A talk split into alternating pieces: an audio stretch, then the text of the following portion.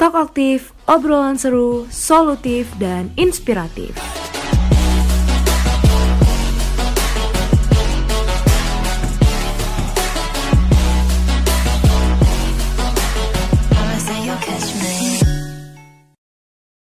Halo semuanya, selamat pagi, siang, sore, malam, dan Selamat datang di Talk Aktif BMFBUB 2022. Kembali lagi nih di Talk Aktif. Sekarang udah episode keberapa, Sat? wah iya nih, kita udah nggak kerasa ya, kita sekarang udah di episode ke-6. Nah, BTW kita nih siapa sih? Nyet? Dari tadi nih kita udah ngomong-ngomong, udah say, say hello ke teman-teman semua, tapi belum ada yang tahu nih kita siapa. Oke, kita perkenalan dulu kali ya, Sat. Halo semuanya, kenalin nama aku Janita Nurhidayah, biasa dipanggil Janet. Di Talk Aktif kali ini aku nggak sendirian nih, karena aku bakalan ditemenin sama partner aku yang super keren, super kece, ganteng, ya tapi masih jomblo. Yang terakhirnya agak-agak ya, Net ya. Nggak perlu disebutin juga kali, Net. Ya udah deh, langsung aja. Aku mau izin perkenalan diri. Ini nama aku Sang Satrio Alif, biasa dipanggil Satrio. Yang kali ini bakal nemenin aktif listener semua di episode 6 kali ini. Nah, gimana nih kabarnya kalian semua? Semoga di mana pun dan dalam keadaan apa pun, kalian tetap happy, enjoy, dan senang dengan kehidupan-kehidupan kalian ya. Nah, ngomong-ngomong soal kehidupan ini. Nah, kehidupan kita sekarang ini kayaknya serba cepat dan penuh ketidakpastian gak sih, Net? Iya, bener banget sih, Sat. Bener gak sih, teman-teman? Kalau kehidupan sekarang itu penuh ketidakpastian. Kayak contohnya tuh tujuan kamu lanjut kuliah tuh apa sih, Sat? Kalau aku ya, pastinya aku pengen dapat nilai bagus, cepet lulus, dan bisa kerja di perusahaan-perusahaan gede sih, Net. Nah, emang udah pasti ya, Sat. Kita yang kuliah, kalau udah lulus tuh pasti dengan mudah dapat kerja di perusahaan-perusahaan besar. Hmm, iya juga sih, kayaknya belum pasti ya. Nah, dan nyatanya tuh masih banyak juga nih lulusan-lulusan baru atau fresh graduate yang nganggur sampai sekarang. Mereka tuh belum pada dapat kerja gitu. Dan banyaknya fresh graduate yang nganggur ini itu tuh disebabin sama perusahaan-perusahaan yang masih trust issue lah istilahnya. Mereka tuh masih belum percaya dan belum yakin nih sama fresh graduate yang eh, masih minim pengalaman dan belum cocok diterima di perusahaan-perusahaan mereka gitu nih. Nah, iya kan, Sat. Bahkan nih, karena isu kayak gitu, sekarang tuh banyak loh mahasiswa yang udah tingkat akhir ngerasa bingung sama cemas tentang karir mereka setelah lulus.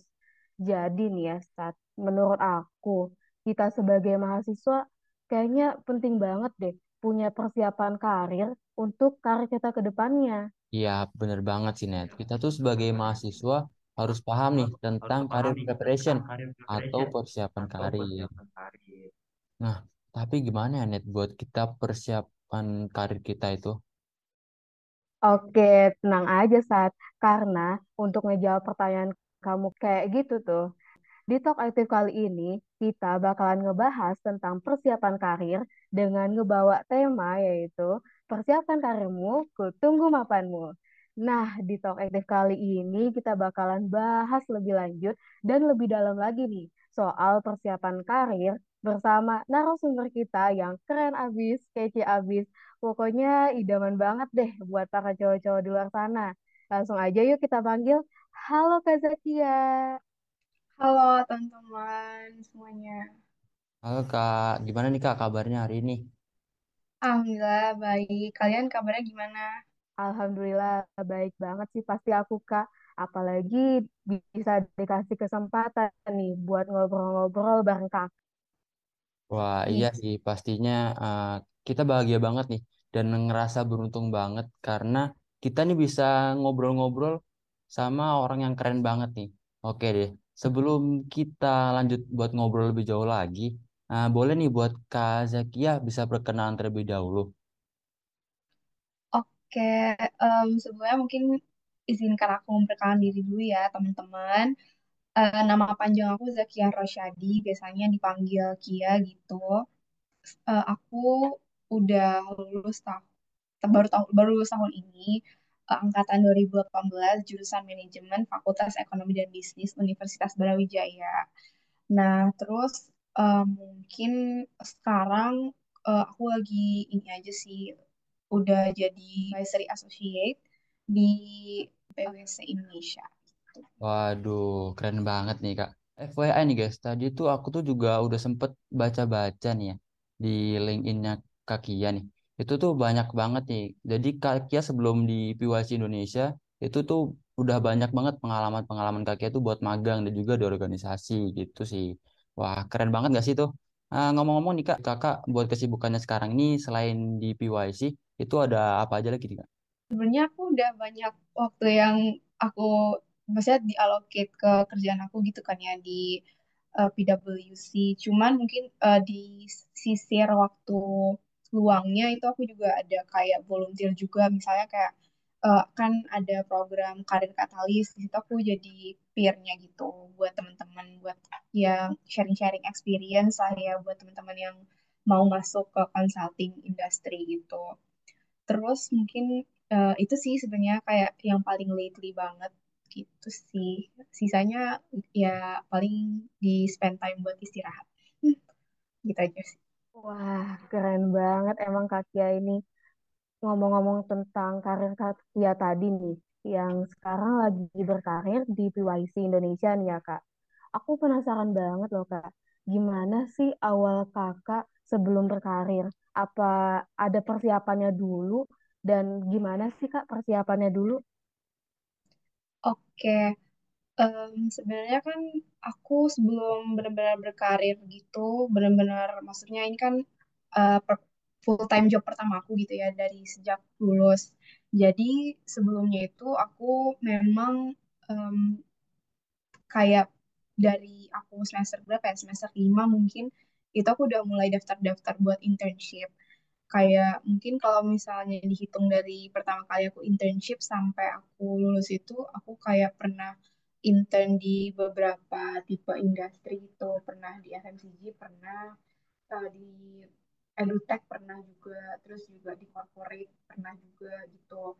Nah terus dari situ sih sebenarnya aku kayak ngumpulin ilmunya dari situ. Karena kan mungkin kalau dari kuliah kita lebih banyak tentang knowledge sama eh, ya teorinya gitu kan ya. Tapi kalau misalnya kita di internship kan pastinya kita banyak langsung turun ke lapangannya dan lain-lain. Kan aku juga memang di beberapa perusahaan yang aku pernah intern pun aku juga gak selalu ada di role yang sama. Misalnya kayak di Unilever kan aku belajar tentang marketing terus juga di Danone aku operations intern. Kebetulan aku kan eh, anak manajemen kan. Jadi manajemen itu kan sebenarnya dari semester satu sampai semester 5 kalau nggak salah itu tuh emang belajar tentang general manajemennya aja cuman nanti kan ada konsentrasi yang bisa dipilih di em, kayak di atas semester 5 gitu. Nah aku konsentrasinya tuh operasional. Tapi kebetulan internship aku tuh nggak selalu tentang operasional. Walaupun sebenarnya um, internship yang paling akhir ini uh, waktu yang aku di Danone itu tentang operasional. Tapi ya uh, mungkin kayak bagi aku pengalaman internship aku adalah hal yang memang menyokong aku untuk bisa pertama lebih nge-build background aku gitu untuk bisa diterima setelah aku lulus.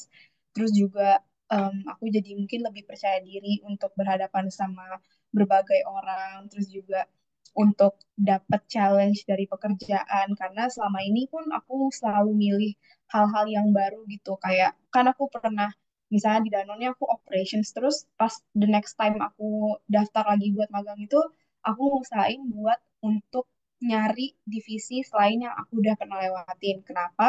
Karena mungkin itu cara aku buat kayak keluar dari comfort zone aku kan. Kayak aku udah mulai tahu nih tentang salah satu field ini gitu, misalnya marketing atau operations. Nah, mungkin nextnya lagi aku mau cari tahu apa sih yang kira-kira bisa nambahin em, value aku dan juga mungkin yang bisa membantu aku buat tahu sebenarnya aku tuh lebih tertariknya ke arah yang mana sih. Nah, makanya dari beberapa pertimbangan yang udah aku kumpulin, dari beberapa berbagai pengalaman yang udah aku lewatin, akhirnya aku nentuin buat oh ya udah kayaknya untuk early stage karir aku setelah aku lulus ini kan aku baru-baru lulus ini kan baru ya, kayak bulan Oktober ya kalau bulan Oktober wisudanya. Cuman mungkin kalau misalnya untuk sidangnya itu udah dari eh, semester lalu gitu. Cuman kayak itu jadi tempat aku buat kayak reflection dari ke belakang-belakangnya setelah aku ngelewatin banyak pengalaman itu kira-kira sebenarnya aku tuh arahnya ke mana makanya akhirnya aku milih uh, consulting gitu untuk jadi kayak milestone pertama aku setelah aku lulus gitu.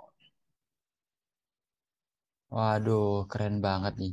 Berarti ini kakak nih udah kayak mempersiapin semuanya tuh dari awal gitu ya. Jadi kakak tuh bener-bener nih nge- nyobain semua keahlian-keahlian lain gitu. Jadi kakak nih punya banyak pengalaman gitu kan. Terus juga eh, jadi tahu nih eh, harus milih yang mana dan udah tahu arah dan tujuannya ke mana nantinya. Dan dari situ kakak tuh bisa kayak ngusahain nih. eh, aku punya potensi di mana dan nanti aku bisa ngusahain di situ gitu. Ya nggak Iya sih. Wah, iya sih, Sat. Emang keren banget Kak Kia ini. Aku lanjut ya nih, Kak. Udah ngebahas tentang persiapan karir kakak tadi.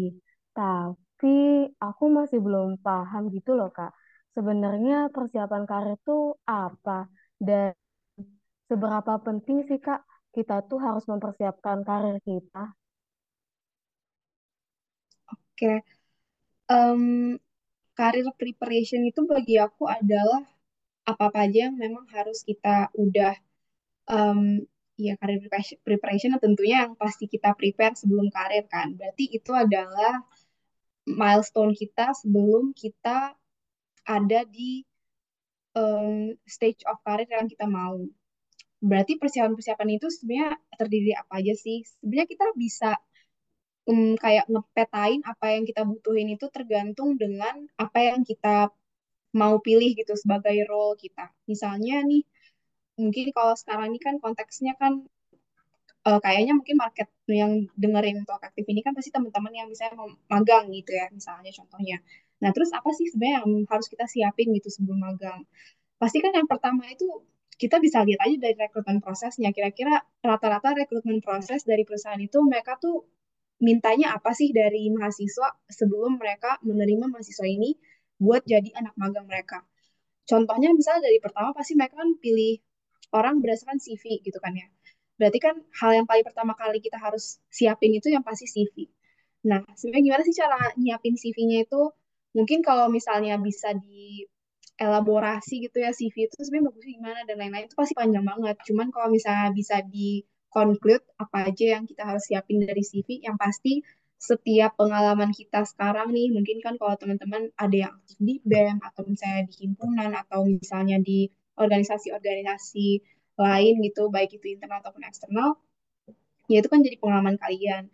Karena mungkin um, main in yourself gitu ya. Kalau misalnya memang magang ini kan sebenarnya ajang kita untuk belajar ya. Jadi mungkin ada beberapa teman-teman yang memiliki background yang berbeda-beda. Maksudnya aku cuma kayak untuk mau ngasih tahu aja sih. Kadang-kadang ada beberapa yang mungkin kayak nanya ke aku gitu, apakah eh, misalnya kalau background aku ini, Kak, aku bisa nggak ya daftar ini? Aku cuma pernah jadi staff di sini aja, apa aku bisa nih daftar divisi yang lain? Nah, masalahnya teman-teman, kalau misalnya kita mau magang gitu di suatu perusahaan ataupun di suatu role yang kita mau, mereka itu kan juga tahu dan well aware kalau pasti kita pengalamannya itu hampir zero gitu kan ya. Cuman kan yang kita harus persiapkan itu adalah sebenarnya kenapa mungkin kita selalu diiming-imingi kenapa berorganisasi, kenapa kita harus ini, kenapa kita itu harus belajar, harus punya skill karena memang yang dinilai dari awal pas di CV itu kan yang menunjukkan skill kita tuh udah apa aja sih. Nah, mungkin juga showcase skill kita itu adalah untuk mencantumin apa aja pengalaman kalian di organisasi, atau apa aja pengalaman kalian volunteering. Dari situ kan kalian udah bisa ngekotakin skill-skill apa aja yang bisa menjadi nilai tambah kalian ketika kalian disandingkan dengan kandidat lain yang masuk perusahaan itu sebagai anak magang gitu kan. Jadi ya itu kalian harus keep in mind kalau CV ini sepenting itu gitu. Dan gimana caranya punya CV yang bagus ya kalian juga harus um, mencari skill yang sesuai dengan uh, yang kalian suka, yang kalian passionate about, dan juga yang perusahaan butuhin. Mungkin kalau misalnya di state beberapa skill ya paling kayak communication skills atau analytical thinking, critical thinking, terus juga uh, mungkin kayak kalian yang suka main data ya bisa di state juga. Jadi ada banyak lah skill yang memang bisa kalian petak-petakan sesuai dengan field yang kalian mau di perusahaan itu satu. Itu tentang CV kan. Nah, terus yang kedua sih biasanya kan langsung setelah CV, kalau misalnya keterima rata-rata kan pasti langsung interview ya. Interview kan ada dua tuh, HR sama user. Kalau HR mungkin kita lebih ngasih tahu, nge-showcase sebenarnya diri kita ini personalitinya gimana. Apakah kita tipe orang yang bisa bekerja dengan tim, apakah kita ini sesuai dengan apa yang perusahaan ini yakini value-nya, apakah value kita sama sama mereka, Pokoknya sih sebenarnya kalau di HR interview ini jauh lebih general gitu, ngomongin tentang diri kita dan juga apa yang bisa kita bawa ke perusahaan. Nanti setelah kita lulus HR interview, ada yang namanya user interview. Nah, itu jatuhnya lebih teknikal gitu ya. Dan juga mungkin aku ceritain ini kayak uh, bahkan aku mau daftar magang tuh itu juga udah dilewatin. Jadi rekrutmen proses menurut aku sih kalau rekrutmen proses itu baik itu magang ataupun full time tuh hampir-hampir sama. CV pasti iya. HR interview sama user interview.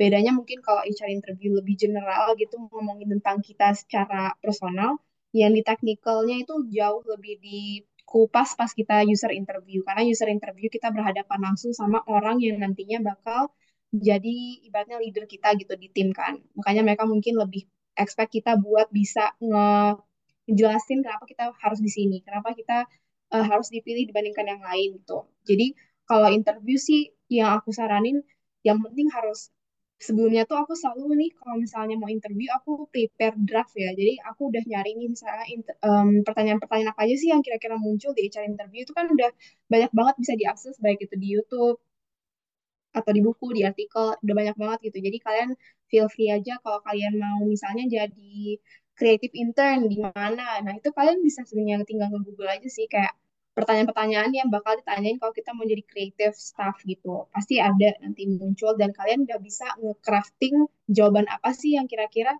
cocok. Nah, kenapa harus disiapin biar nanti pas kalian ditanyain, kalian tuh udah ada dalam otak kalian nggak kayak langsung spontan aja gitu karena kan biasanya kalau spontan itu kita nggak terlalu bisa banyak mikir kan karena kita pertama harus panik dan lain-lain makanya kalau kita prepare sebelum interview kita udah tahu kayak kebayang pertanyaannya apa otomatis jawaban kita pun bakal nunjukin seberapa ready sih ini anak jadi anak magang gitu kan makanya user pasti akan lebih tertarik sama orang-orang yang kayak gitu makanya kita harus persiapan sebelumnya bukan untuk dihafal juga mungkin kayak lebih untuk kita tuh bisa ngebawa diri kita biar kita bisa ngejelasin kalau kita ini cocok nih buat lo gitu. Itu sih dia interview. Setelah itu sih biasanya udah tahap offer ya. Jadi mungkin yang paling penting sih yang aku bisa simpulin dari apa yang udah aku lewatin lebih ke cara karena kalau misalnya udah lewat CV ya itu kan udah tinggal interview. Interview itu kan kita udah tinggal ya si usernya suka nggak nih sama kita HR-nya suka nggak nih sama kita gitu kan. Jadi kita harus nunjukin kalau kita tuh pantas nih di sini dan tunjukin kalau kalian percaya diri dengan apa yang kalian bawa. Karena dengan itu kalian juga jadi bisa um, dengan baik gitu nge-showcase diri kalian dan membuat diri kalian lebih baik daripada yang lain gitu yang juga daftar di tempat yang sama kayak gitu sih ya. Oke, jadi uh, buat kita persiapan karir itu yang terpenting tuh kayak di awal tuh kuncinya adalah CV ya kak ya. Jadi uh, buat persiapan CV juga tuh kita tuh butuh yang namanya pengalaman dan kita tuh uh, bener-bener kayak harus berani keluar dari zona nyaman, harus berani bergerak buat uh, tahu nih gimana sih uh, kemampuan kita, gimana sih skill kita. Dan ternyata tuh emang penting banget ya buat uh, persiapan karir itu. Wah, iya bener banget dari penjelasan Kak Kia tadi nih, ternyata emang penting banget ya Kak buat persiapan karir itu. Dan memang persiapan karir itu itu bisa mengarahkan kita untuk lebih ke arah ke karir kita yang emang kita mau tuju ya Kak. Nah Kak, aku lanjut nih ya Kak. Masih soal tentang persiapan karir. Kalau misalnya kayak aku nih ya Kak, aku kan masih maba ya Kak, masih Iya. belum tahu apa-apa itu sebenarnya persiapan karir itu udah bisa mulai uh, dibuat sejak kayak aku masih maba ini atau efektifnya kapan ya Kak? Dan kalau misalnya kita mau buat persiapan karir, itu tuh step atau cara-caranya itu ada apa aja ya Kak? Oke, um, kalau dari pengalaman aku sendiri, sebenarnya aku juga bukan kayak yang aku tahu banget apa yang aku bisa lakuin gitu ya dari semester satu aku maba. Jadi itu sebenarnya kayak ya seiring dengan berjalannya waktu pasti aku jadi ngumpulin kan. Maksudnya apakah mungkin aku mulai ini aja ya atau kayak aku lihat juga beberapa referensi baik dari misalnya LinkedIn atau misalnya kayak em, kayak eh, influencer yang ada di bidang edukasi gitu-gitu yang mereka tuh ngejelasin sebenarnya apa sih yang harus kita siapin gitu. Atau karena kan kadang-kadang kan kita bisa ekspor tuh sebenarnya dari awal. Jadi kalau misalnya menurut aku ya kalau di masa-masa pertama-pertama banget kuliah gitu di awal-awal semester itu menurut aku itu adalah waktu terbaik untuk kalian nge-explore. Nge-explore-nya tuh apa aja sih? Mungkin nggak hanya terbatas di organisasi aja sih. Karena pasti organisasi ya udah pasti jadi kayak number one choice semua orang gitu. Kalau misalnya masuk eh, kampus pasti tujuannya organisasi karena udah pasti akan dapat sesuatu kan kayak soft skills dan lain-lain itu kalian dapetin dari organisasi. Tapi menurut aku setuju sih. Jadi memang ya di awal ini eksplorasi itu satu bisa dapetin dari organisasi organisasinya apa terusnya terserah kalian sesuai dengan apa yang kalian memang tertarikin gitu. Jangan kalian pilih sesuatu yang mungkin menurut kalian atau kayak FOMO gitu kali ya. Mungkin bahasanya kayak misalnya semua orang ikut ini, kita juga ikut ini. Kita harus tahu juga sih esensi kenapa kita milih suatu organisasi itu satu kan karena memang waktu yang kita pakai itu di awal kan kita harus manfaatin baik-baik gitu kan ya kalian bisa punya 24 jam, tapi kan kita yang bisa memilih kita harus ngapain aja dalam 24 jam itu. Mungkin kalau organisasi kita bisa take portion satu. Kedua, mungkin kita bisa ambil waktu buat kayak belajar hal-hal yang baru. Misalnya kalian mau belajar tentang marketing, itu kan kali aja mungkin yang dari jurusan ekonomi nggak punya basic marketing gitu di mata kuliahnya. Ya ambil aja kayak online course kan di sini kan udah sekarang tuh kayak akses kan udah banyak banget kan. Maksudnya aksesnya nggak hanya dari buku doang gitu. Bahkan misalnya kalian ngebaca berita atau kalian ngebaca tren sekarang gimana di artikel atau kalian sekejap ya maksudnya kayak hal-hal terkecil pun sebenarnya bisa nge-add value kita gitu. Misalnya kayak tiap hari sempetin baca satu berita untuk tahu apa sih yang terjadi di, di Indonesia atau apa yang terjadi di mm, global gitu. Itu kan sebenarnya walaupun nggak ngaruh banget ya ke karir, cuman secara nggak langsung kita jadi punya wawasan kan. Semakin kita ngelatih lah pokoknya tuh semakin kita nge-spend time buat membuat diri kita itu terpapar dengan banyak wawasan, kita jadi punya banyak pilihan gitu. Makanya kayak dengan kita spend time berorganisasi atau misalnya online course atau baca atau nonton sesuatu yang mungkin bagi kita tuh menarik tapi ternyata ada ilmunya juga itu tuh menurut aku sangat membantu. Jadi di sela-sela perkuliahan kalian tuh ada something to run to gitu. Nggak hanya ya kuliah, ngerjain tugas, ujian, habis itu libur. Kayak kan kalau misalnya kita punya kayak coba coba bikin kayak belajar ini orientasinya mungkin gak hanya karir aja ya maksudnya ini untuk general saran aja mungkin kalau aku bisa juga nyaranin ke diri aku yang dulu ya spend time itu untuk hal-hal yang memang kira-kira bagi kalian bakal bermanfaat di waktu yang akan datang gitu.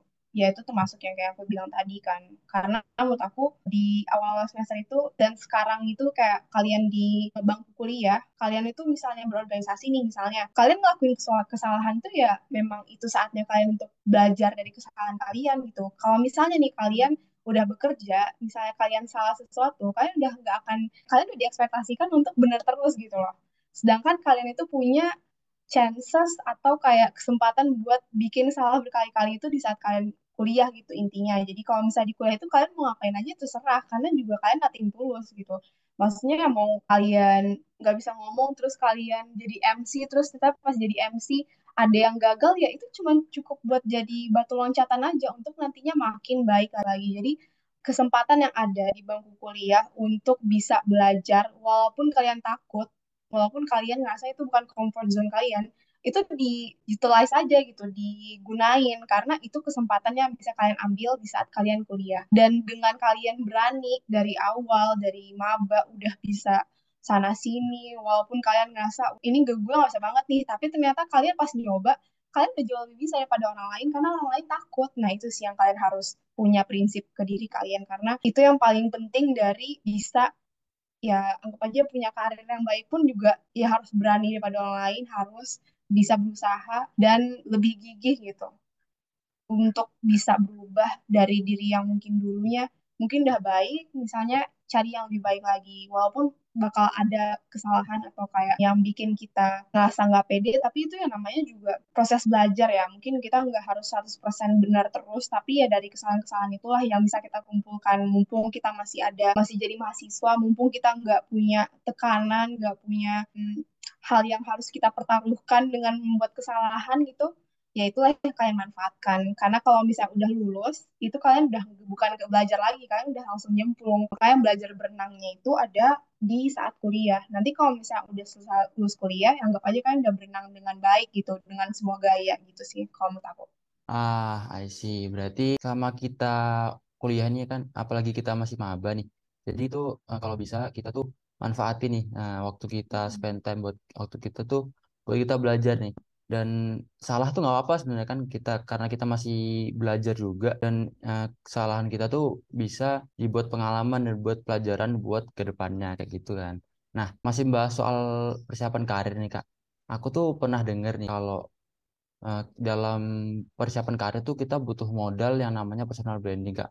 Emang iya ya kak. Dan personal branding itu emangnya apa sih kak? Aku tuh belum mengerti gitu kak. Personal branding itu apa? Oke, personal branding. Personal branding itu menurut aku salah satu hal yang paling penting ya untuk kita ada di kayak untuk aku sendiri ya dengan posisi aku sekarang gitu. Karena dengan personal branding itu orang jadi tahu kita tuh sebenarnya interestnya ke mana sih. Terus apa sih yang kita udah laluin? Apa sih yang membuat kita dianggap capable gitu dengan apa yang mungkin misalnya kayak aku mau daftar sesuatu terus kayak aku nunjukin aku bisa ini ini ini, ini dari misalnya social media aku gitu. Kan orang jadi oh iya ini ada ada track recordnya. Jadi personal branding itu jatuhnya kayak track record gitu. Karena dengan kalian bisa menggunakan sosial media kalian secara baik gitu, orang-orang kan jadi aware dengan langkah-langkah yang udah kalian laluin. Ketika kalian misalnya kayak sharing tentang apa yang kalian suka atau kalian tertarik belajar atau yang kalian udah laluin mungkin di magang atau di organisasi, pasti teman-temannya kalian pun jadi kayak punya pemahaman gitu kan. Sebenarnya kamu ini arahnya ke mana? Sebenarnya kamu tuh sukanya apa aja Nah, dengan itu sebenarnya sama dengan kalian itu membuka pintu kesempatan gitu.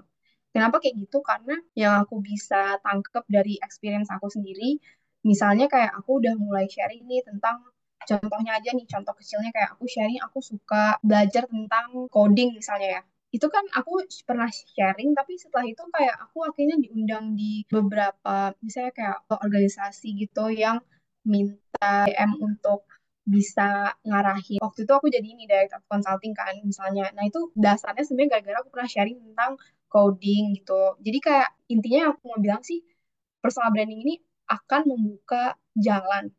Membuka jalannya karena apa yang kalian tunjukin itu orang bakal pahamin dan orang akan mencoba buat sharing. Dengan kalian sharing, kalian bisa tahu nih sebenarnya yang sama interestnya sama kita tuh siapa aja. Kan kita jadi buka network kan.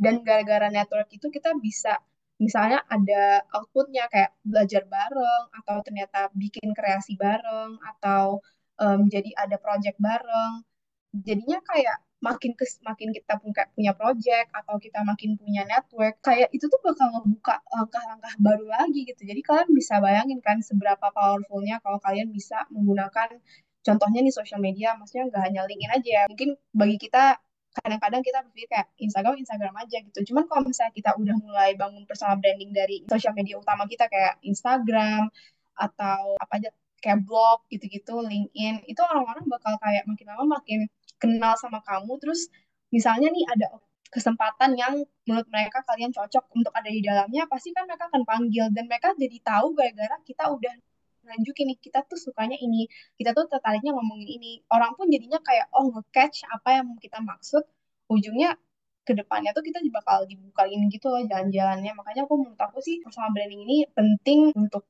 bangun network, untuk bangun opportunity. Karena zaman sekarang kan kayak kalau misalnya kita udah punya social media itu kalau misalnya kita nggak bener-bener utilize, nggak bener-bener kita gunain dengan baik-baik kan sayang banget kan. Apalagi kayak mungkin aku baru mulai pun kayaknya baru pandemi kemarin sih. Karena Sebelum-sebelumnya aku kayak masih bukan tipe orang yang kayak sharing dan lain-lain. Cuman kayak ke pas pandemi mungkin itu kesempatan aku juga kayak aha momen aku buat bisa nge-rebrand myself lah ya di sosial media.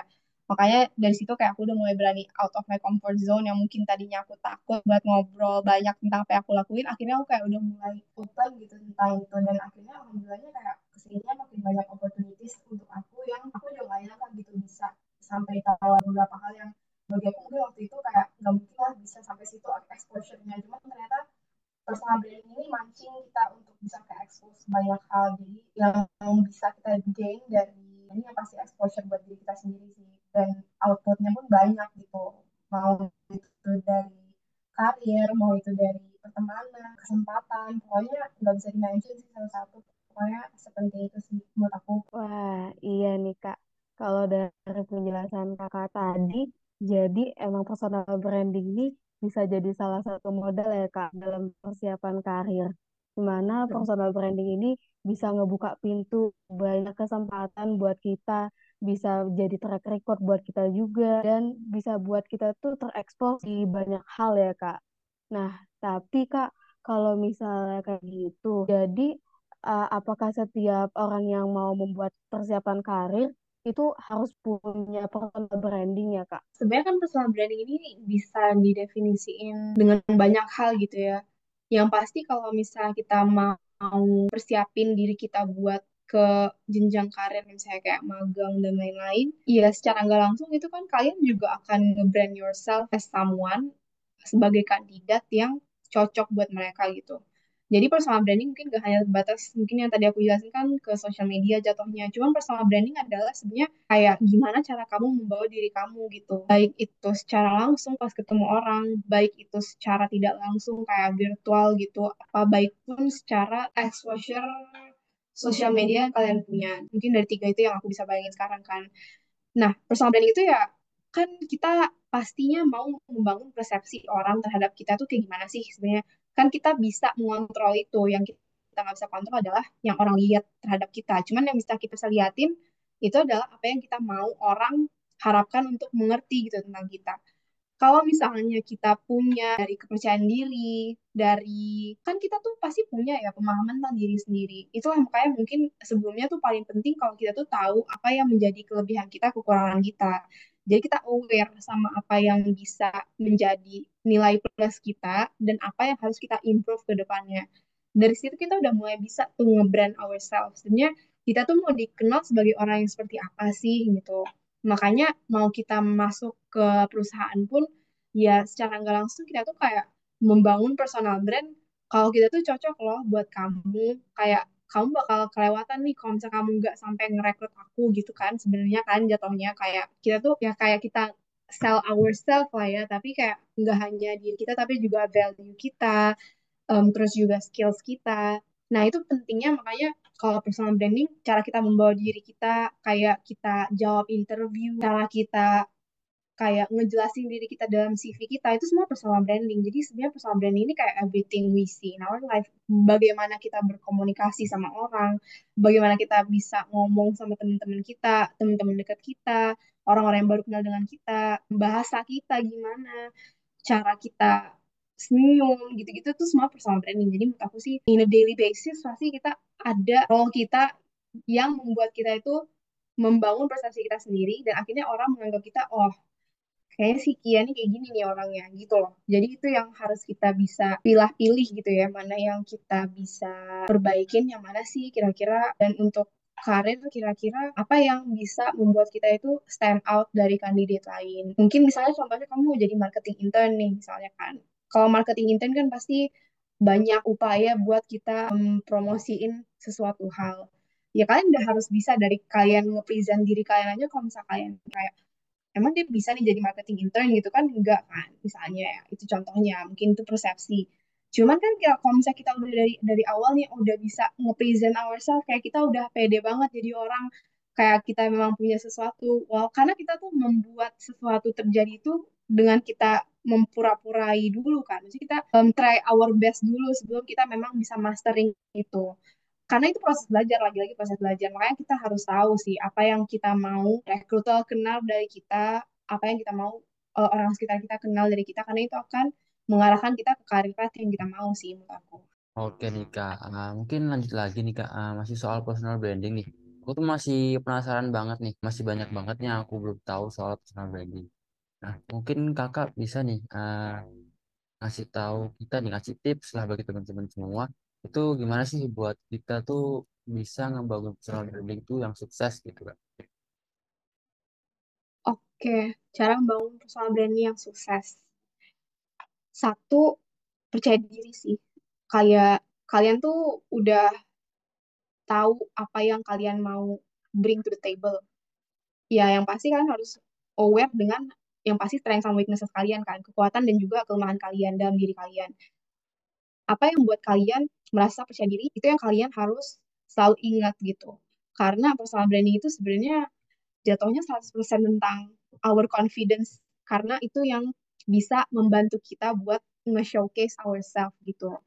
Makanya kalau misalnya kita punya personal branding yang bagus, biasanya orang-orang yang punya personal branding yang bagus itu pasti mereka itu selalu memiliki self awareness yang tinggi karena mereka selalu mengevaluasi diri mereka, apa yang menjadi plus minusnya itu selalu di work on gitu.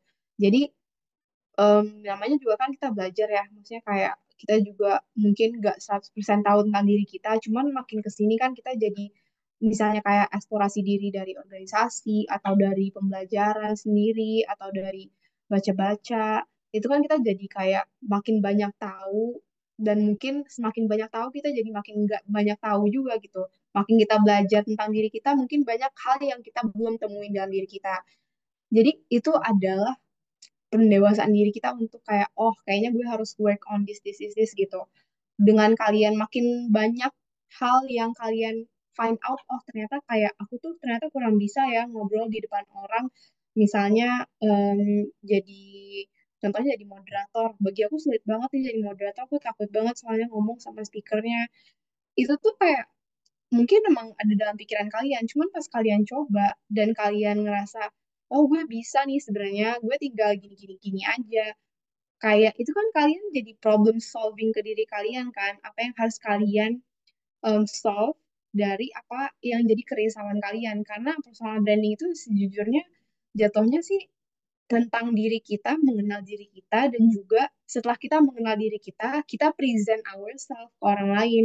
Ini yang nih di- jati diri gue yang sebenarnya kan. Itu sebenarnya kayak personal branding itu intinya kan. Kita menunjukkan ke diri orang ke diri orang lain dan juga mempercayai diri kita kalau kita tuh sebenarnya adalah kayak gini gini gini itu makanya kita harus lebih tahu sih sebenarnya kita tuh mau membawa diri kita tuh ke mana ya itu nyambung juga sih buat kayak ke karir kan kalian pasti udah punya bayangan. Ya mungkin nggak semuanya punya bayangan sih aku juga mungkin nggak langsung punya bayangan dari awal sampai ini aku udah tahu kan nggak juga ya. Maksudnya aku tahu apa yang aku mau jalanin setelah aku mungkin di akhir tahun udah mau lulus baru aku tahu kayak oh, aku mau cobain industri ini itu tuh kan makanya proses belajar kan. Makanya dengan kita banyakin kesempatan yang mungkin orang takut ambil kita ambil nih itu kan kita udah menambah value ke diri kita dibandingkan orang lain kan? Itu kan kita kayak walaupun misalnya kita nggak langsung benar nggak langsung bisa tapi setelah kita banyak mencoba kan kita jadi oh iya ya ternyata mungkin nggak sesusah itu nggak ternyata nggak semenyenangkan apa yang dilakukan aku nah itu bisa ngebantu diri kalian lebih eh, semangat dan juga nggak takut takut gitu untuk nge-brand yourself as it is sebagaimananya kamu mau orang untuk kamu gitu itu sih Oke Kak, Ah, tadi kan Kakak udah ngejelasin nih, ah, buat gimana sih cara kita buat ngebangun personal branding itu. Nah, ah, pas kita ngebangun personal branding itu, ada nggak sih Kak kayak faktor-faktor itu yang bisa buat mendukung kita ataupun menghambat ketika kita ngebangun personal branding itu Kak? Oke, Eh, mungkin sebenarnya kalau misalnya personal branding itu kayaknya kalau misalnya aku banyak sharing-sharing ke teman-teman aku gitu kan ya, itu kan ada dua faktor ya. Faktor mungkin kita bisa kotakin faktor internal, faktor eksternal. Kalau faktor internal bisa kita takut. Takut kenapa? Karena mungkin kayak misalnya oversharing atau misalnya kayak takut dianggap ih kayak apa banget sih gitu kan misalnya ya. Maksudnya kayak kadang-kadang kan kayak gitu ada pasti ada pikiran kayak gitu. Faktor eksternal sebenarnya ada hal yang nggak perlu kita pikirin sih sebetulnya ya karena lagi-lagi maksudnya kayak everyone have their lives gitu kan. Nggak kita mau sampai kapan kita mikirin orang kayak takut dikira ini takut dikira itu. Padahal sebenarnya orang-orang juga sibuk sama urusan mereka masing-masing sebenarnya kan ya. Kayak misalnya nih mungkin dulu aku pernah takut jadi MC misalnya. Karena aku takut orang lihat aku kayak nggak bisa nge-MC padahal ya sebenarnya justru dengan kamu bisa berdiri di depan orang mungkin dipilih sebagai orang yang jadi MC itu aja udah oke banget kan. Ya kesempatan itu kalau misalnya kamu kasih ke orang lain yang ada orang lain yang belajar makanya kita harus perbanyak keberanian diri kita untuk bisa dapetin kesempatan yang mungkin orang lain takut ngambilnya, kita bisa berani. Karena kalau misalnya kita, mungkin yang bikin kita selalu kayak um, nge-hold back ourselves di setiap kesempatan itu pasti rata-rata karena kita takut persepsi orang. Makanya yang harus kita hilangkan ya persepsi orang itu. Karena dengan kalian bisa keluar dari comfort zone kalian tanpa mikirin kayak ah takut malu ah sama orang, ah takut dianggap nggak bisa sama orang. Kayak gitu makin lama ya nggak akan ada waktunya untuk bisa belajar untuk bisa gitu. Makanya kalau misalnya kalian bisa selalu nih berani mau nggak bisa nggak bisa pokoknya berani itu aja udah hal yang baik gitu. Karena mumpung bisa belajar ini maksudnya kayak aku bilang tadi kan jadi mahasiswa itu adalah tempatnya belajar dan bersalah gitu karena kalau misalnya nanti udah lulus dari jadi mahasiswa kalian udah diekspektasi kayak diekspektasi itu udah bisa semuanya. Makanya kalau misalnya kalian telat nih pas sudah lulus terus baru kayak ah mau nyoba ini mau nyoba itu ya walaupun misalnya nggak ada nggak ada kata terlambat ya buat belajar. Cuman kayak safe to say kalau misalnya safety net di masa perkuliahan itu jauh lebih aman dibandingkan kalian baru mulai setelah kalian lulus. Makanya bikinlah kesalahan banyak-banyak pas kalian kuliah karena nanti kayak itulah yang jadi pembelajaran kalian untuk jadi diri yang lebih baik setelah kalian lulus dari masa kuliah itu menurut aku sih Wih, gimana nih Sat? Udah banyak banget loh ilmu yang kita dapat bareng Kak Kia. Mulai dari persiapan karir itu apa, pentingnya persiapan karir itu, dan gimana caranya mempersiapkan karir itu. Iya nggak sih Sat? Yo, iya net. Nah, iya nih kita nih udah dapet banyak banget nih insight baru dari Kak Kia nih. Selain insight-insight baru dan juga ilmu baru soal persiapan karir dan juga personal branding, kita tuh uh, bisa banyak tahu nih gimana sih cara kita buat persiapkan itu dan cara kita buat menghadapin ketika uh, udah di masa depan nanti. Nah, uh, mungkin ini terakhir ya. Boleh nih buat Kak Kia buat ngasih closing statement nih buat teman-teman yang masih bingung soal karir dan juga persiapan karir itu gimana. Oke, mungkin closing statement aku adalah yang pertama pasti nggak harus semuanya di figure out sekarang karena proses belajar kita masih panjang. Tapi yang kita bisa lakukan adalah berusaha sih. Maksudnya ketika orang takut ngambil kesempatan itu, ketika orang lagi malas-malasan belajar, yaitu adalah cara kita untuk waktu kita untuk tap in di situ kita yang bisa mengkontrol diri kita, oh harus semangat, oh hari ini harus itu, karena kita mungkin udah punya kayak A, B, C, D, E, impian kita yang kita udah mau kan. Tapi kayak keep in mind kalau semua orang berusaha gitu. Jadi kalau kalian nggak berusaha untuk diri kalian sendiri, terus siapa yang mau berusaha kan? Makanya um, baik itu untuk karir, baik itu untuk perkuliahan, yang bisa help yourself out adalah diri kamu. Makanya ya yang harus kalian percayain lebih gitu, yang harus kalian believe adalah ya tentunya diri kamu. Sebelum kalian menyelamatkan orang lain, kalian harus nikmatin diri kalian sendiri karena kalian adalah kunci dari ya kesuksesan diri kalian kan. Jadi kayak kita kalau misalnya kita udah berusaha banyak nih, ya itu ada buahnya pun akan buat kita gitu. Dan semakin kita misalnya bisa menikmati buah kita sendiri, semakin banyak kita pun bisa membantu orang lain untuk ada di posisi yang sama kayak kita. Makanya uh, makin kita bisa um, ada di posisi kita udah makin paham sama diri kita, udah makin mungkin um, dapetin hal banyak selama perjalanan kita, ya di situlah kita bisa ngajarin kayak ngasih lessons ke orang-orang sebagaimana kayak mungkin kita dulu butuh kayak gitu kan. Kayak kita ngasih kayak aku sekarang mungkin dulu aku nggak nggak mungkin nggak kepikiran buat bisa sharing-sharing tapi ujungnya kan aku ada di tahap yang ya alhamdulillah kayak bisa ngasih tahu kayak oh bagusnya gini gini gini gitu pokoknya kita bisa membuka opportunity nggak hanya untuk diri kita juga tapi untuk orang sekitar kita sih intinya bermanfaat buat kita dan buat orang lain juga gitu Oke deh, makasih banyak buat Kak Kia nih. Sebelum aku tutup, ada kata-kata yang aku inget banget barusan dari kata-kata Kak Kia, bahwa kita itu perlu banget berusaha untuk depannya, untuk diri kita sendiri, karena kesuksesan diri kita itu ya dari diri kita sendiri juga. Nah, selain untuk diri kita sendiri, kesuksesan kita itu semoga bisa menjadi kebermanfaatan untuk orang-orang lain juga. Oke, teman-teman. Oke dong, Net. Oke deh. Eh, sayang banget nih sesi kita di episode kali ini. Cuman sampai sini aja. Aku mau ngucapin terima kasih banyak nih buat Kak Kia dan juga teman-teman yang udah mampir nih di Talk Aktif episode kali ini. Semoga insight-insight baru dan pelajaran baru yang kita dapat dari Kak Kia eh, bisa nambah buat semangat kita dan motivasi kita buat mempersiapkan karir ya. Nah, kayak tema kita pada episode kali ini yang gimana Net? Eh, tema kita? Persiapkan karirmu, ku tunggu mapanmu. Oke, sekian dari aku Janita. Dan aku Sangsat. Kami pamit undur diri dan sampai ketemu lagi di Talk Aktif selanjutnya. Terima kasih. Terima kasih. Dadah. Bye.